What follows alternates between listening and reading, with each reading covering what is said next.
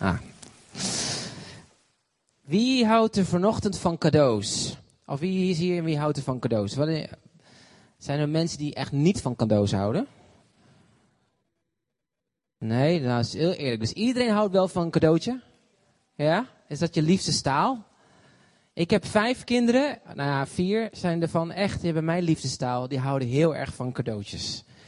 En uh, gisteren was er een van ons jarig. Ga even staan. Mevrouwtje, hoe oud ben je geworden? Zeven. Wie was er nog meerjarig deze week? Ja, gefeliciteerd. Uh, hou je van cadeautjes? Super. Heb je wel eens een cadeautje gehad waarvan je dacht bij jezelf, oeh, wat ziet het er lelijk uit? Ja? Nee, hè? Nou, ik wil met je nadenken over de cadeautjes die God geeft. En, en, en ik vind het zo mooi wat Nagis hier al heeft gedaan.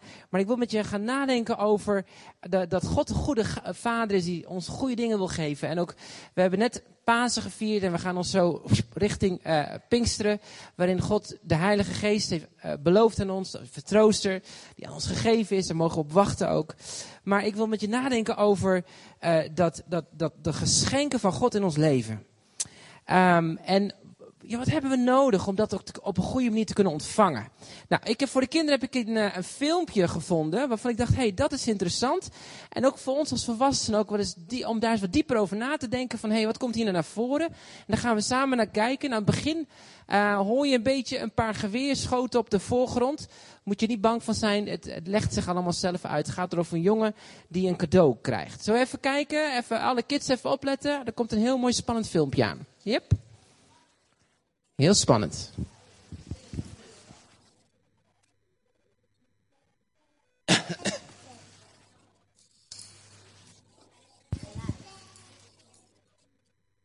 Komt eraan.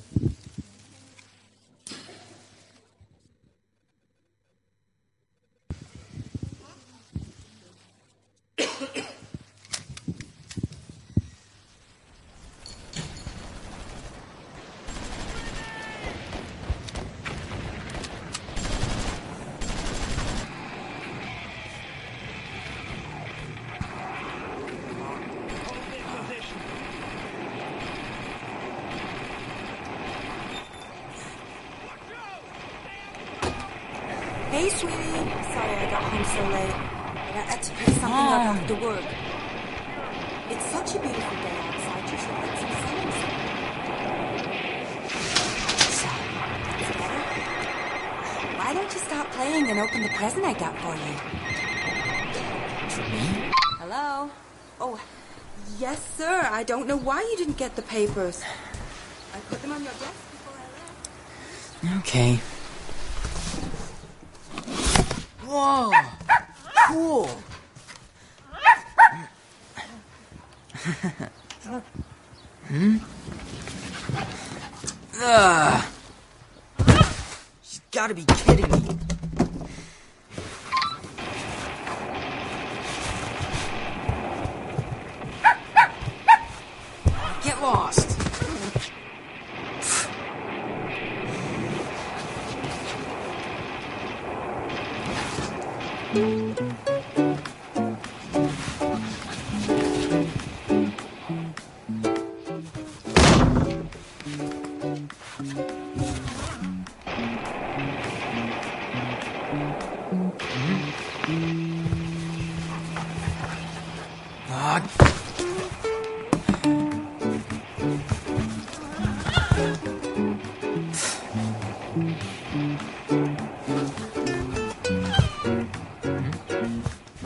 too.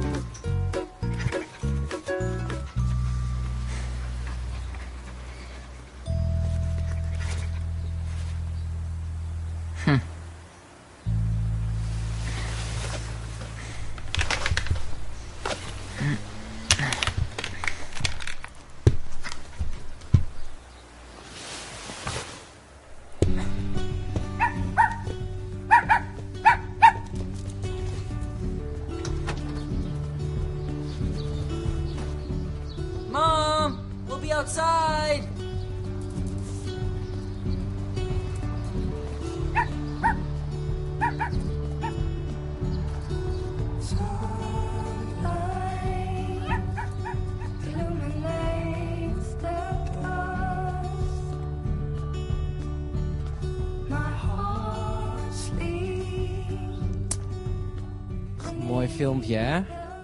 Ontroerend, of niet? Wat zag je daar gebeuren in dat filmpje? Iemand die wat wil zeggen. Wat viel je op? Zeg maar. Weet je niet meer? Iemand anders?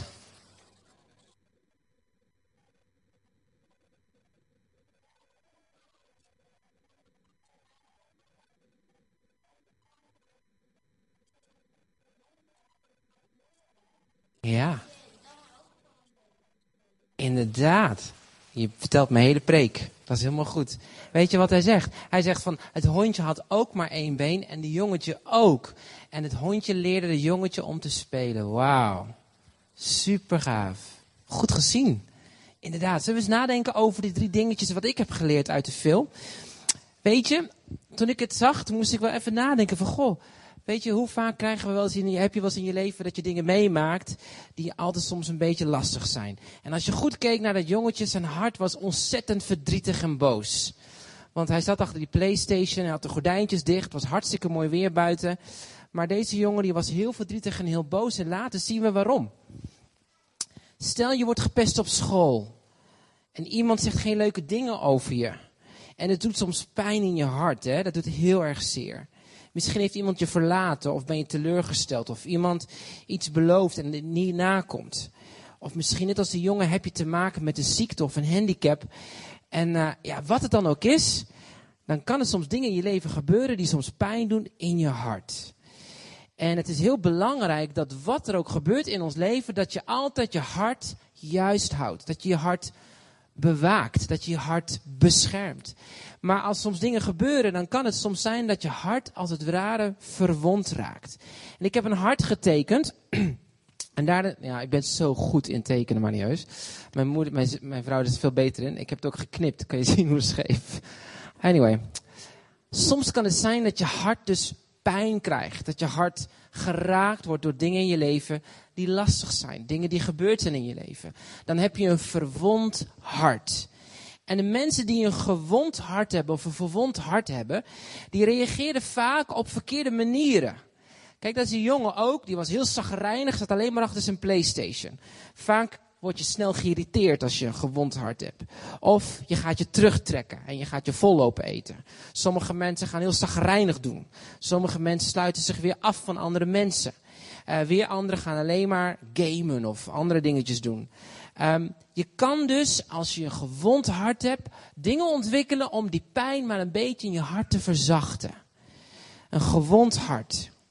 Soms kan een gewond hart leiden dat je weer andere mensen gaat pesten. Dat je boos bent zo diep van binnen omdat je gewond bent dat je andere mensen gaat pesten. De gewond hart is niet zo heel prettig. En de Bijbel zegt in Spreuken 4 vers 23, bewaak je hart. Boven alles wat daaruit komt de oorsprongen van het leven. Met andere woorden, het is belangrijk dat je verantwoordelijkheid neemt over je hart. Je hart is het meest belangrijkste. Daar moet je verantwoordelijkheid over nemen, want het maakt een weg van leven voor jou en mij. David die nam verantwoordelijkheid over een hart. Hij had op een gegeven moment verkeerde keuzes gedaan en was niet helemaal lekker bezig. En in Psalm 51 vers 10 zegt daar zoiets moois. Geef mij een nieuw hart. Geef mij een schoon hart. Geef mij een vaste geest die innerlijk en standvastig is. Een nieuw hart. Mijn vraag aan jou is, of je nou oud of jong bent, misschien zijn er wat dingen in jouw leven waardoor je hart een beetje pijn heeft. Misschien zijn er ook dingen in jouw leven die gebeurd zijn waardoor je hart verwond is. Zijn er, is je hart vol van ergernissen, van pijn, teleurstellingen uit het verleden, of is je hart vrij? Nou, in de Bijbel kennen we een ander verhaal over een man die op een gegeven moment door een hele moeilijke periode ging in zijn leven. Namelijk, hij was een, een, een bekende leider, hij was een overste van de synagoge, hij was een gelovig man, een wijs man, iedereen die vond hem geweldig. Maar op een dag raakte zijn dochtertje van twaalf ernstig ziek en lag ze op sterven. Zijn naam was Jairus. Ik kan me voorstellen dat je Iris een beetje pijn had in zijn hart. Want op het moment dat je moeilijke dingen maakt in je leven, meemaakt in je leven, dan gebeurt er iets met je hart. Dan raakt dat met je. En ik kan me zo voorstellen dat je Iris dacht bij zichzelf van, nou, hoe kan dat nou heer? Ik ben een leider, ik doe alles wat u van me vraagt. Eh, eh, ik, ben een, ik ben een leider in de synagoge, ik dien u. En hoe kan het mijn dochtertje dan in één keer ziek is en niet meer geneest? Misschien dacht hij wel bij zichzelf, nou, hoezo is God te vertrouwen? Kan. Pijn in je hart. Wat doe je met die pijn in je hart? Het eerste wat je Iris deed, was dat hij rende naar Jezus, zegt de Bijbel. Hij rende naar Jezus toe. En heel veel mensen doen dat gelukkig ook wel in leven. Als je pijn hebt in je hart, dan rennen we naar Jezus. Maar weet je wat nou zo interessant was? Ja, Iris, nou ik zal even een, een sprongetje wagen van rennen. Dan kun je dat zien. Hij rende naar Jezus, zegt de Bijbel. Maar wat gebeurde er toen? De Bijbel zegt dat hij niet begon te staan en zeggen: Hallo Jezus. Wie, ik heb even iemand, ik Jezus nodig. Kun je mij helpen met de Jezus zijn? Ja, Jan mag ook wel. Kom maar. Nee. Jan, Jan mag even staan. Even als een voorbeeld. Jan, kom. Wat zijn we toch allemaal verlegen hier? Carlino, kan je me helpen? Vijf seconden? Ja, hier, kijk. Dat is nou even Jezus. Kijk, dat is iets beter, iets meer, iets meer eh, eh, visueel voor kids. Eh, en voor de ouders ook. Ehm, dus dat is Jezus. Dus ik ben hier, dus ik ren naar Jezus. Jezus, ik heb pijn in mijn hart. En heel veel mensen blijven dan staan. Nou, Jezus even onderhandelen. Als hij nou dit voor mij doet, doet hij dat voor mij. Dan geneest hij mijn kind, dan ga ik u wel dienen. Onderhandelingstactiek. Maar dat staat niet wat de Bijbel zegt. De Bijbel zegt dat je Iris rende naar Jezus toe. Let op wat hij deed. Hij rende. En toen Hij lag op de grond. Oh, mijn broek. Hij lag op de grond. Als een hond, zegt de Bijbel. Die de hand van zijn meester begon te likken. Ik zal niet je hand likken. maar moet je voorstellen dat je als, als, een, als een hond gaat likken. De Bijbel zegt dat je Iris rende naar Jezus toe. Met zijn gebroken hart. En hij zei, Jezus, ik heb u nodig. Weet je, als je gaat staan, dan ga je zeggen, nou dan doe ik het wel een beetje in mijn eigen kracht. Maar Jairus die ging knielen. En hij ging neervallen op de grond, zegt de Bijbel. En het woord wat er staat heet proskunia. Hij viel voor Jezus voeten. Als een hond die de hand van zijn meester begon te likken. Heftig, hè? Dankjewel. Hij lag op de grond. Hij wierp zich voor de voeten van Jezus. Als een hond die de hand van de meester likt. Wat betekent dat? Dat betekent hij gaf zichzelf zo over aan Jezus. Hij zei, ik ga niet meer staan, want doe ik het in mijn eigen kracht. Nee, ik, ik kies ervoor om mezelf te vernederen voor Jezus. Omdat ik weet dat ik erken de grootheid van God. Ik realiseer me. Er moet minder worden van mezelf. En meer van hem. Psalm 2 vers 10 zegt ook, kus de zoon. Met andere woorden, werp je neer als een hond die de hand van de meester likt. Kus de zoon, proskunia. Welzalig de man die toevlucht vindt in, die toevlucht neemt tot God. En wat gebeurt er dan? Dan is het niet zozeer de uitkomst wat belangrijker is. Maar dat die, uiteindelijk dan zegt Jezus, u bent veel belangrijker dan de uitkomst van waar ik nu in zit. Ik vertrouw u. Nou, Jesaja zegt al heel mooi dat Jezus kwam naar de aarde om de gebroken harten te genezen van mensen. Jezus kwam naar de aarde en dat heeft hij gedaan aan het kruis. Dat hebben we vorige week gevierd. Jezus kwam naar de aarde om de gebroken harten te genezen. Wanneer we een gebroken hart hebben, dan mogen we dus naar Jezus gaan. En mijn gebroken hart leidt dat ik soms een beetje onzeker ben. Dat ik een beetje bang ben. Dat ik boos ben. Dat ik misschien teleurgesteld ben of verdriet heb, of dat ik ga vechten of terug. Al die dingen die ik gebruik om mijn hart maar te beschermen, mag ik nu bij Jezus gaan brengen. Niet staan, maar als proskunia neerleggen op de grond en mijn hart aan Hem geven. Wauw. Ik mag mezelf helemaal werpen voor zijn voeten. Dat is een veel grotere overgave dan alleen een soort transactie. Van nou heer, als u dit voor mij doet, dan doet u dat voor mij. Uh, uh, dan doe ik dit voor u. Dat is een transactie. Maar God wil geen transactie. God wil dat eigenlijk je komt bij hem en eigenlijk erkent van heer, u bent groter. Ik kan niet eens staan in uw tegenwoordigheid. Heer, ik wil mijn toevlucht nemen en als het ware knielen voor uw aangezicht. Plot op de grond. Dit is dan raar hè. Wij kennen dat niet onze cultuur. Om zo aan de voeten van Jezus te komen en zeggen, Heer, hier ben ik. En weet je wat zo mooi is? Dan zegt de Bijbel, dan verruilt de Heer jouw pijnlijk hart, je gebroken hart, met een nieuw hart. Een hart van vlees, vernieuwd in Hem. Een nieuw hart. Hoe gebroken je hart ook is, Jezus wil je een nieuw hart geven. Jezus wil je een nieuw hart geven. Maar dat cadeau van Jezus, dat komt soms wel een beetje in een, soms een beetje in een verkeerde verpakking lijkt het wel. Een vreemde verpakking. Net als die moeder die op een gegeven moment dan een hondje cadeau geeft. En dat hondje had inderdaad maar één, ja, een half pootje had hij. Had drie pootjes en eentje en dat was een beetje half. Nou, wie zou wel eens een hondje willen krijgen met drie pootjes en één pootje half? Ja, jij, jij misschien wel. Ja, vind je het toch wel leuk, hondje? De meeste mensen denken, oh, wat raar. Net als een jongetje, wat raar. Waarom moet ik nou zo'n cadeautje hebben met zo'n hond? Weet je, er was een keer een, eh, een, een, een verhaal van een jongen die ik ooit een keer gehoord heb. Deze jonge man, die, eh, eh, zijn moeder was overleden. Zijn vader en hij hadden niet een hele goede band met elkaar. En deze jongen die groeide op, maar zijn vader was vrij rijk. Maar goed, die, de relatie ging niet heel goed. En op een gegeven moment toen hij eh, eh, eh, 18 was, toen had hij aan zijn vader gevraagd. Van papa, ik zou heel graag een auto willen hebben voor mijn verjaardag. Nou, dat had hij natuurlijk eh, ruimschoots verteld aan zijn vader, voordat hij jarig was. Papa, ik zou heel graag een auto willen hebben. En, eh, oh sorry, 21, excuus, hij was 21. Dus hij ehm, ehm, had het een paar keer genoemd in het jaar. Pap, ik wil heel graag een auto. En had ook een hele specifieke auto gevraagd. En eh, nou goed, dus hij werd die dag werd hij jarig, 21. En hij dacht, ja, nu komt het moment dat ik misschien die auto krijg. Hij had niet echt een hele goede band met zijn vader. Maar goed, die vader die hield heel veel van zijn zoon. Maar ook hij wist dat hij schoot tekort. Dus die vader dacht, ik wil mijn zoon echt verrassen met een ontzettend mooi cadeau. Dus eh, die dag kwam, die jongen was jarig. Die jongen is 21 jaar, komt bij zijn vader in het kantoortje waar de vader achter het bureau zat. En de vader die had een brief. En hij schreef op in de brief, lieve zoon, ik hou van je. We hebben een hele heftige jaren gehad. Ik weet dat we elkaar niet altijd gevonden hebben, maar ik heb een cadeau voor je. En dit cadeau, als je het opent, dan, zit het, dan geeft het alles, geeft het de mogelijkheid. Tot zoveel meer. Tot jouw dromen die je mag gaan bereiken. Dus die jongen was helemaal vol spanning wat het cadeau was. En de vader doet zijn laadje open van zijn bureau en pakt daar een klein pakketje uit. En die jongen denkt, oh, interessant, klein pakketje, misschien, misschien, misschien. En hij opent het pakketje en hij komt daar een klein bijbeltje tegen. Die jongen werd zo boos, zo boos, zo boos. Hoe kan het nou?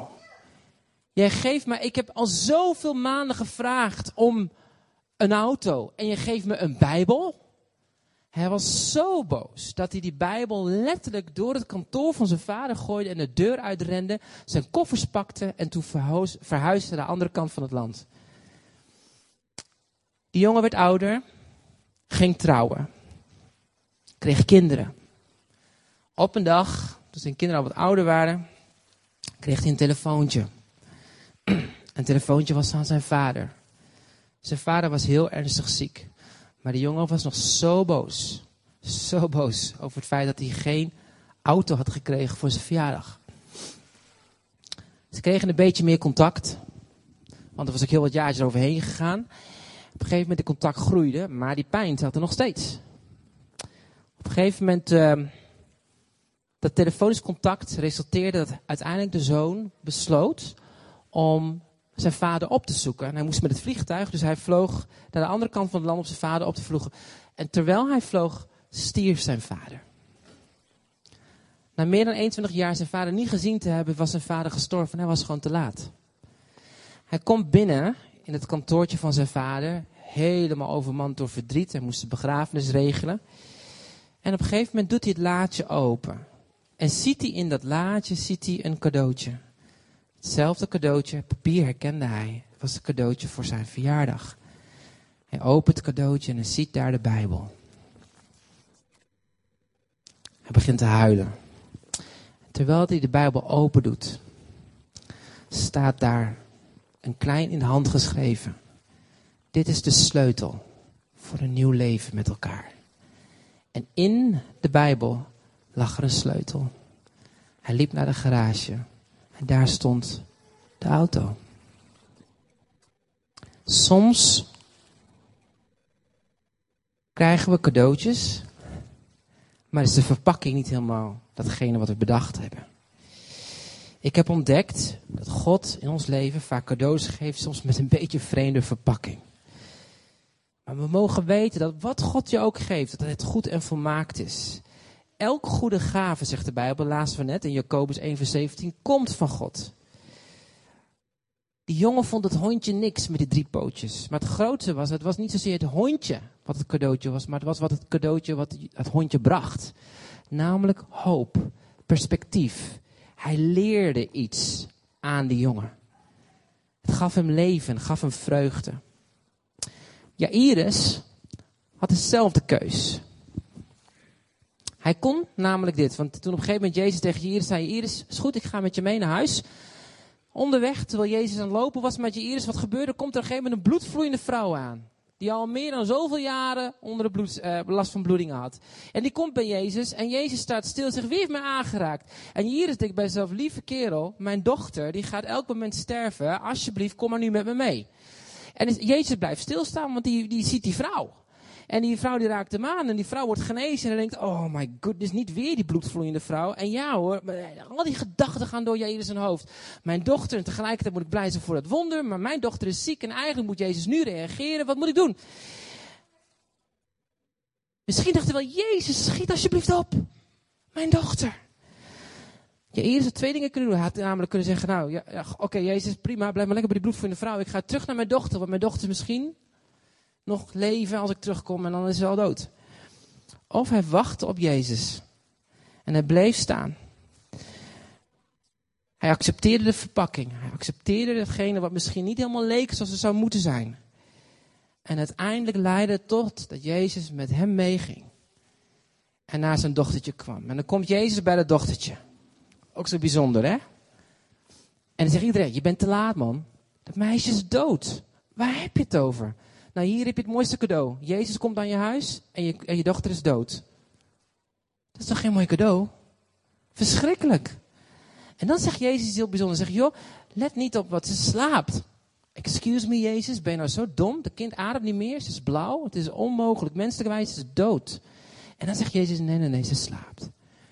En het, dit geeft ons een inkijk in het hart van God. Namelijk dat hoe je omstandigheden soms ook zijn, hoe dood het aan de buitenkant is, als je kijkt door de ogen van Jezus, is er altijd perspectief van hoop en leven. Amen. Jezus geeft hoop en leven. Maar we hebben wel een keus. Accepteren we de verpakking? Misschien is die heel anders dan dat we gewenst hadden. Maar als we het accepteren en door de verpakking heen kijken, dan komt er altijd hoop en leven. Het laatste puntje wat ik je mee wil geven is dit. Iedereen van ons maakt moeilijke dingen mee. Ik geloof dat we allemaal wel een verhaal hebben. Maar net als dat hondje, dat hondje had ook een verhaal. Want hoe komt dat hondje nou aan één pootje wat misschien niet volgroeid is? Of misschien had het wel een ongelukje gehad. Of misschien, weet ik veel, is er iets gebeurd waardoor hij één pootje minder heeft. Maar jong, dat hondje werd uiteindelijk een zegen voor iemand anders die ook één been niet had. En ik geloof het ook zo in het verhaal van je Iris. Dat getuigenis van hoop wat je Iris meemaakte.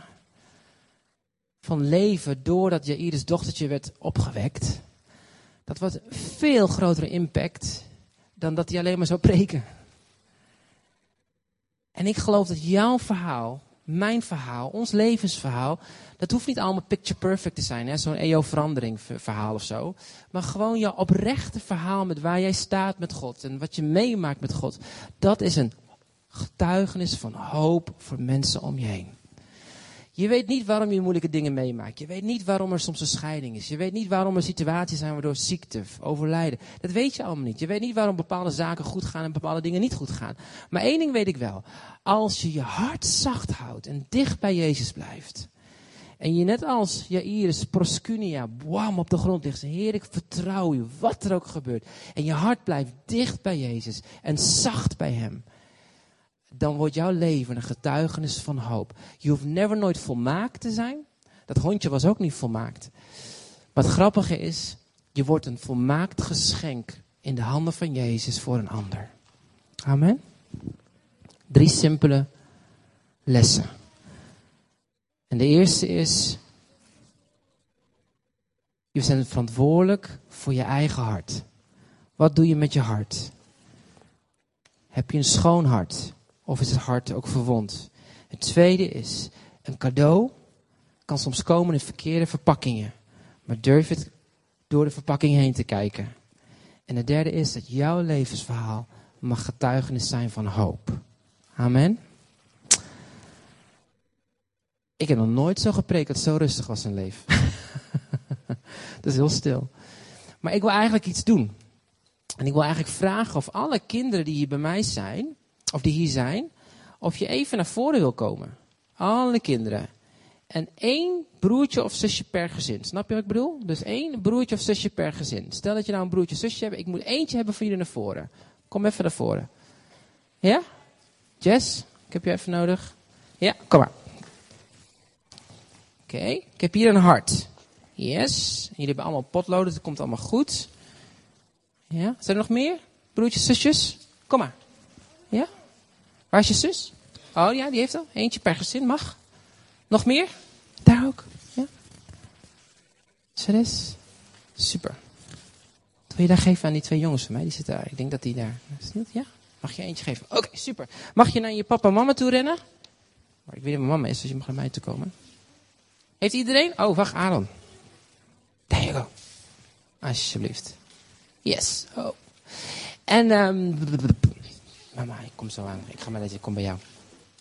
Heeft iedereen een hart? Alle, alle kinderen die in ja, de meeste? Goed. Nou, de volwassenen hebben, oh, wacht even. Hier heb ik er nog één. Mag jij een witte hebben? Dat is heel mooi. Super gaaf. Dan mag je op je hart, dan mag je gaan nadenken over de volgende vraag. En dan gaan we zo doen. Alle papa's en mama's met hun kinderen, die mogen dat met elkaar doen. En allegenen die eh, lekker relaxed single zijn of kinderen zijn al oud de deur uit, noem maar op, is ook goed. Dan mag je dat met elkaar doen als volwassenen. En de vraag die ik je wil stellen om over na te denken is dit. Zijn er dingen die jouw hart hebben verwond? Zijn er dingen die je hart hebben verwond? Is er iets in je hart dat je zegt, oeh ja, als ik diep in mijn hart kijk, dan is dat wel iets wat een, misschien wel even een puntje is. En, en dan wil ik je vragen om dat eh, voor de kinderen, om dat aan één kant van het hart op te schrijven. En aan de andere kant mag je dan straks op gaan schrijven de dingetjes die God wil geven aan jou. En dan heb je hier al een aantal voorbeelden. Maar dan mag je straks aan de andere kant gaan schrijven de positieve, de dingen die God wil geven. Nou, als je zegt van nou, ik heb geen hart, dat is geen punt. Eh, volwassenen, jullie mogen even met elkaar in groepjes van twee, drie, naar vier. Doe het met z'n vieren mag ook. Ga eens met elkaar delen. Waar zit jouw hart? Eh, heel vaak dan eh, hoor je monoloog op zondag, maar ik dacht het is goed om een dialoog te doen met elkaar, oké? Dus ga met elkaar even in gesprek Ehm, en deel met elkaar eens van, hey, wat zit er nou in mijn hart? Wat leeft er echt in mijn hart? Is er een bepaalde verwondheid in mijn hart? Misschien komt die verwondheid door elkaar. En misschien moet je daar even met elkaar heel eerlijk over zijn. Dat mag. Ehm, het is heel kwetsbaar, hè, delen van je hart. Maar dan willen we straks samen naar de Heer toe gaan in gebed en dan mogen we met elkaar gaan bidden. En dan heb ik straks, dan de opdracht gaat even heel snel. Als je gedeeld hebt hierna, dan kom ik terug, want dan heb ik nog een kleine verrassing voor je. Oké? Ja? Dus deel even met elkaar. Wat zit er in je hart? Wat leeft er in je hart? Zijn er dingetjes waar je verwond in bent? Ga eens met elkaar delen en dan gaan we straks daar iets mee doen. Is dat je voor de pijnlijke dingen die je hebt opgeschreven, dat we gaan bidden dat God dat wil genezen. Kunnen we dat doen? Dan gaan we gewoon tijd nemen om met elkaar samen voor die pijnlijke dingen te bidden, dat God ons hart gaat genezen. Zullen we dat doen? Oké, dus gaan we lekker voor elkaar bidden. Bid elkaar zegen toe. Ik heb gevraagd aan drie kinderen of ze mij kunnen helpen met iets. En je mag gewoon lekker verder bidden straks, met elkaar praten. Want het is goed om met elkaar te praten en te delen en te bidden. Oh, jij mag me ook helpen, kom maar. Zijn er nog meer kinderen die willen helpen? Ja, kom maar. Weet je, onze hemelse vader heeft ons zo ontzettend lief. Dat hij zijn allerkostbaarste geschenk aan ons gaf, zijn zoon. En hij wil zijn hart met ons delen. En tegelijkertijd mogen wij nu ook, dat wij ontvangen hebben, dat cadeau ook weer doorgeven aan iemand anders. En ik heb de kinderen hier allemaal van die lekkere suikerhartjes meegenomen. En die mogen, gaan ze uitdelen. En dan mag je dat aan elkaar geven straks. Dus naast de persoon die je zit, dan zeg je: Hé, hey, ik wil jou zegenen, want je bent een geweldig mooie persoon. En dan mag je het hartje aan elkaar geven. En ik hoop dat je dat gaat pakken voor deze week. Dat jij, hoe je ook bent, wat je ook mee hebt gemaakt, hoe moeilijk soms het leven ook is geweest, dat jij een zegen mag zijn voor de mensen om je heen. Ehm, en dat God jou wil gebruiken.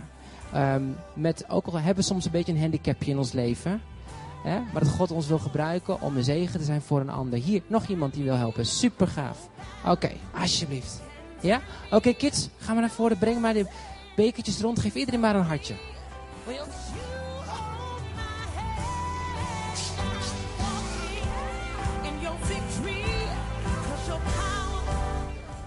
En je mag hem zelf opeten. Je mag hem ontvangen van het kind. Of je mag hem gewoon weer doorgeven aan iemand anders. Yes? En de Bijbel zegt wie iets van een kind ontvangt, hè? Onthoud dat.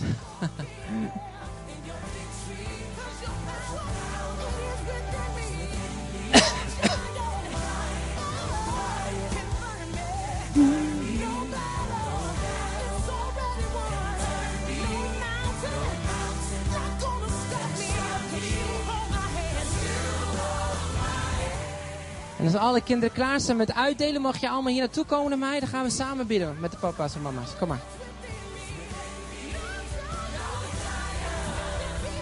Yes, super. Goed. Yes,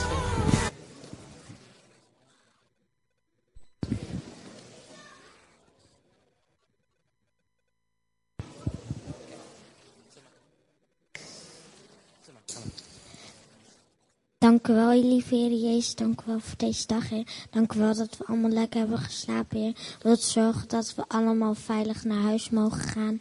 Ehm, willen u wilt zorgen ook voor de anderen onder ons, Heer. Dat u ook voor hun zorgt, ook op dit moment, Heer. In Jezus naam, amen. Vader, dank u wel. Heer, dat u ons een nieuw hart wil geven.